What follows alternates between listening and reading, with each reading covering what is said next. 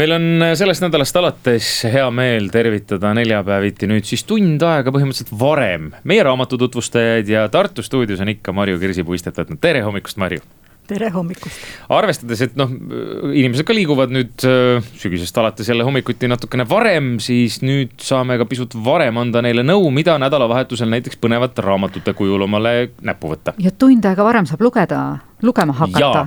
seda ka puhas võit. nädalavahetust vaadates, siis mulle tundub, et tuleb selline puhas kodus raamatu lugemise ilm Marju, sul on jälle kolm seekord siis uut teost välja valitud ja hakkame aga otsast pihta. esimene raamat on Gemma Häti Seiklejad ja ära neetud loss nii, esimene raamat ongi selline noortepärane, võiks öelda lastepärane ja see on täiesti, kõik, kõik on ju uus, septembrikuus on teine september ja algab nagu uus hooaeg, uued ajad ja see on ka uue sarja esimene raamat.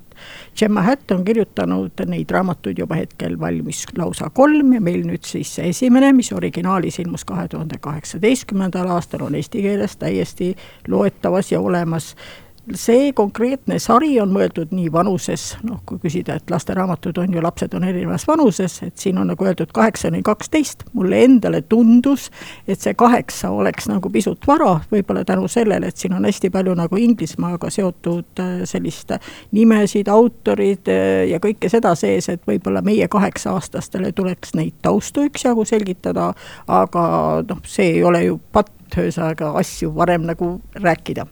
kui raamatus äh, tegevus iseenesest võib ju nüüd öelda, et alustame küll sügisel, aga täpselt raamatu tegevus käivitub sel päeval, kui algab suvine koolivaheaeg, ehk on viimane koolipäev, mida siin need lapsed, peategelased arutavad ka, et täiesti mõttetu päev koolis. mitte midagi enam ei otsustata, kõik on ju tegelikult lõpetatud ja siis veel mingi viimane koolipäev, see tundub kõige mõttetum. ja kui selle käigus paar päeva või päevade jooksul saab teada ka selline asi, et nad sellel suvel peavad üldse minema mingisuguse võõra vanaonu, onu Herbi juurde, siis kes on täiesti pisut kummaline, nagu siin raamatus öeldakse, kummaline, aga ohutu siis sealt käivitubki kogu seiklus ja kui nende juurde tuleb ka nõbu puhkama, kes mitte kuskile mujale kaasa ei võeta, kuna sellepärast lihtsalt, et ta on nii mõttetu mees mõttetu koolipoiss aga võiks ikkagi öelda, et kui lapsed juba kellelgi imeliku onu juurde, juurde lähevad ja piirkonda, kus on alati nagu räägitud mingisuguseid legende erinevatest asjadest, siis võib ju arvata, et terveks suveks sellest käivitub niisugune pikem seiklus. tahan öelda niimoodi, et need, kes arvavad, et kas on ainult seiklus ja sellega siis ka midagi leitakse, teate, ma luban teile, et raamatu lõpp on selline, et needsamad, see tore seltskond äh, avastab täiesti märkimisväärse Egiptuse aardeleiu. aga kuidas sinnamaani jõutakse, saabki sellest raamatust lugeda. tekst on hoogne, tekstis meeldis nagu mulle see, et hästi palju antakse iseloomustavad vihjed ja täiesti niimoodi vaimukalt, kelle inimeste kohta, kõikide olukordade kohta, koolis käitumise kohta, õpetajate kohta. nii et ühesõnaga selline uus sari, mis ma arvan, et võib olla väga edukas ka Eestis väga mõnus, aga siis juba ette menukiks kuulutatud teos. Olav Osolini uus raamat, mis ma jah vaatasin eile seda kaantsi, ma vaatasin, et juba oli kirja pandud, et see on menuk no see on Varraku uus sari, Varraku menuk, kus lendab part ja Olav Osolin. nii need inimesed, kes mõtlevad, et nüüd Olav Osolin kirjutab oma elu jätkust veel edasi, jätkates oma esimest raamatut, ei, seekord on raamat žanrilt, võiks olla nagu krimiromaan. samaks ma ütleksin selgelt, ta on eluromaan. ta on selles mõttes, kui ma täna üldse hommikul siia oleks hilinenud, siis tänu sellele, et mul viimased kakskümmend lehekülge on lugemata aga, aga võin öelda niimoodi, et kui siin ka Mart Juur on öeldud, et kriminaalselt naljakas raamat, noh, ütleme naljakas on ta selles mõttes, et seesama kui ühesõnaga üks mees, kes neljakümne aastaselt praktiliselt teeb uue karjääri, nii et kuulake kõik need, kes mõtlevad, et oh, ühes ametis on juba piisavalt töötatud. ja see baar lõpus kinni pannakse, sest seal kunded ära kaovad, noh tänapäeval pannakse võib-olla kinni sellel põhjusel lihtsalt, et baar ei saa töötada enam.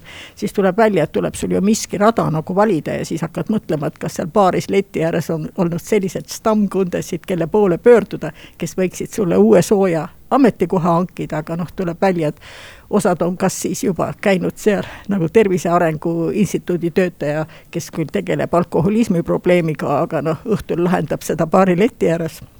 Sellised värvikad kujud, aga tuleb välja, et ta ise mõtleb ka, et riigiametis on kõige soojem koht.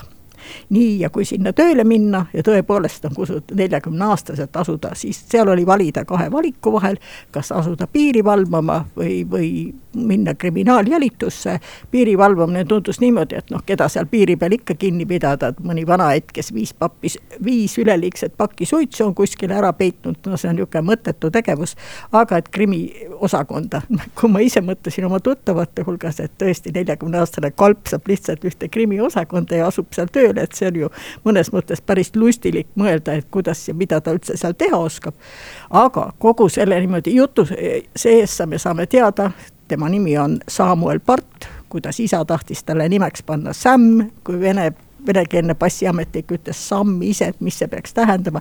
igast detailist saame niimoodi taustana sellest eluloolisest, hüppame selle Eesti aega kultuurilises mõttes nii vanem sinna Estonia baleriinide juurde, kunagise Eesti tippkorvpallurite elu juurde, kõiki neid vihjeid ja ütleme, see hüpleb. nii et kui ma nüüd vaat võtaks iseloomustamiseks niisugune, kuidas öelda, Ülle Madise tsitaadi, siis ta ütleb, et ülimalt lõbus kriminaaljutt, mis kulgeb justkui kammi seljast piidena turritavate šveikilike lugude rütmis, jättes nüüdisaja poliitkorrektsuse nõuded muretult kõrvale, siis täpselt seda ta on, täpipealt seda ta on. ma luban teile lustilist lugemist, hm. mul oli pisut kahju, et see raamat on ainult kakssada kakskümmend neli lehekülge. nii et selles mõttes see hoogne sulg ja selline see, kuidas, kuidas öelda, laia pintslitõmmetega loodud karakterid arusaamaks, miks nad sellised on, kuidas nende elu, mida nad riides käivad, kuidas, mis nende huvid on. kuidas kuuekümne viie aastane kriminaalinspektor käib igal pool kogu aeg müts peas, ka kui Eesti hümni mängitakse, mis võiks selle mütsi all peidus olla sellest kõigest võite sellest raamatust lugeda. võrratu, Olav Osaling, kus lendab part, aga meil on üks raamat veel, Marju, kes on geto, keda me kaitsma hakkame? No see on seesama ketose hommikusöögiga või -hmm. päevase söögiga või lõunase söögiga te tegelane. ja tegin endale ka seda teemat täiesti selgeks ise mõtlesin, et kui ennem oli ka juttu, et mida ma hommikuks söön või kes hommikuks midagi sööb, et mina tegelikult hommikul küll getotoitu dieeti ei teinud. saan aru, et selles Gary Taubes on selles raamatus täiesti kujundanud või loonud kokku selle uue lähenemisviisi kaalu jälgimisele, nagu teate ikka need uued, ma ei hakkagi ütlema, kui palju neid arve võib nüüd dieeti alati olla oh. ja, ja, ja seda me siin ei loenda, mitmekohane see arv võib olla ja süsivesiku vaesele rasvarikkale toitumisele. see on küll nüüd tõeliselt värske üllitis, sest et ta on originaalis ilmunud kahe tuhande kahekümnendal aastal. ja kui ma lugesin siit välja niimoodi statistiliselt näitajad, et äh, tänu sellele, kuidas öelda, ülerasvumisele ja kõigele sellele ikka noh, ütleme iga suund ütleb, et teine toitumine on ju vale kui palju on kasvanud erinevad protsendid näiteks äh, suhkruhaigete osas et, et seitsesada protsenti on kasvanud suhkruhaigete arv, siis sellest getotoitumisest noh, ütleme tsiteerides seda, et mis see siis sõnaliselt tähendab, see tähendab seda, et välistatakse kõik süsivesikud peale nende, mis on roheliste lehtedega köögiviljades. Nii roheliste lehtedega köögiviljas. Ja tuleb ka välja niimoodi, et ühesõnaga, et kõik see, mis kasvab mulla all, on keelatud, kartul ja kõik need porgand näiteks. no Eestlane need... ei jääks nälga ju. jaa, ma ei suutnud, ma ei suutnudki ära mõelda mida sööb. nii, ja, ja getotoitumine ja see tähendabki ja vähesel hulgal lihas, aga need kõik tuleb siis välistada, nii et see kujutab endast niimoodi, et süsiväsikute tarbimine viiakse nagu miinimumini ja selle käigus siis sunnitakse organismi äh, sellisesse olukorda, et ta hakkab nagu tarvitama energiaallikana neid ülejäänud rasvu kõik, ma lugesin, ütleme siit-sealt veel materjali lisaks, no ütleme selles mõttes öeldakse, et see on selles mõttes üks edukas dieeditüüp, ma ütlen, tarvitan sõna edukas, ma ei saa öelda, et revolutsiooniline edukas dieeditüüp, et ta kindlasti aitab lühendatud selle dieedi tegemise perioodil vähendada kaalu, aga ta jätab organismi mingis mõttes nälga ja jätab nälga aju. Selles mõttes, et see on päris ohtlik, ta tekitab loidust, kõike need on negatiivsed jooned väga erinevatel viisidel. Äh, ta võib tõesti niimoodi, et aidata ühel hetkel liigsest kaalust väheneda, aga tuleb välja, et iseenesest getodieet ei ole tõesti mitte tänapäevane leiutis, vaid esmaselt juba tuhande üheksasaja kahekümnendal aastal võeti see meetod kasutusele ja seda on tarvitatud või kasutatud, võiks võib-olla olla õigem väljend, väga edukalt mingite äh, mõningate haiguste ravis. näiteks üks nendest oli siin langetõbi ja sellised, ütleme, erinevad äh, siis juba selles mõttes hakati seda kasutama. aga nagu ma ütlen, et see on väga, ütleme, radikaalne. nii et ühesõnaga, kui ma lugesin kõik need toiduained siit välja, mis äh, põhimõtteliselt peaks mida üldse ei tohiks süüa, no siis ma ei saanudki aru, mida ma üldse sööma pean. nii et tegelikult võib-olla peaks tõesti vuhtima kogu aeg kala süüa, kala oli täiesti lubatud, ma peaksin ütlema. ja noh, loomulikult on lubatud ka avokaado ja veel mõningad asjad, aga noh, Eestis kasvavatest noh, keeratud on ka kõik loomulikult kõik teraviljad, nii et noh, ühesõnaga ma ei, noh, ühesõnaga siis no ühesõnaga kergelt kehitasin õlgu, samas võiks öelda, et siin erinevad ka meie enda toiduspetsialistid ütlevad, et ikkagi, et ta on tõesti, tõesti tõhus kaalu langetamisviis, ikka seda kiidetakse, nii et peale selle ka, et ta kaalulangust aitab, eh, siis eh, ta epilepsia raviks, nagu ma ütlesin, et saab teda, on edukalt tarvitatud, aga ka ketodieet tasakaalustab veresuhkru taset, aga samas, kellel on probleemid kolesterooliga, siis põhimõtteliselt see lendab selles juures tõesti nagu hoopis kõrgustesse, nii et ma ütlen, et ma ei tea, kus on tõde, lugege see raamat läbi. ma arvan, et ka siin öeldakse ju, et maailmas on mitmeid tuntud inimesi, kes tõesti seda dieeti kogu aeg jälgivad. Ja kindlasti on neid terve hulk ka Eestimaal, tuleb välja, et erinevad grupid on loodud, noh, ilmselt ma ise ei kuulu kuskile, et ei oska täpselt öelda aga ma arvan, et igast asjast midagi üle võtta ei ole üldse halb.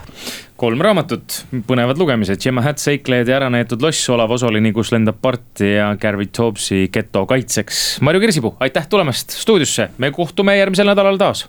jah, kena hommikut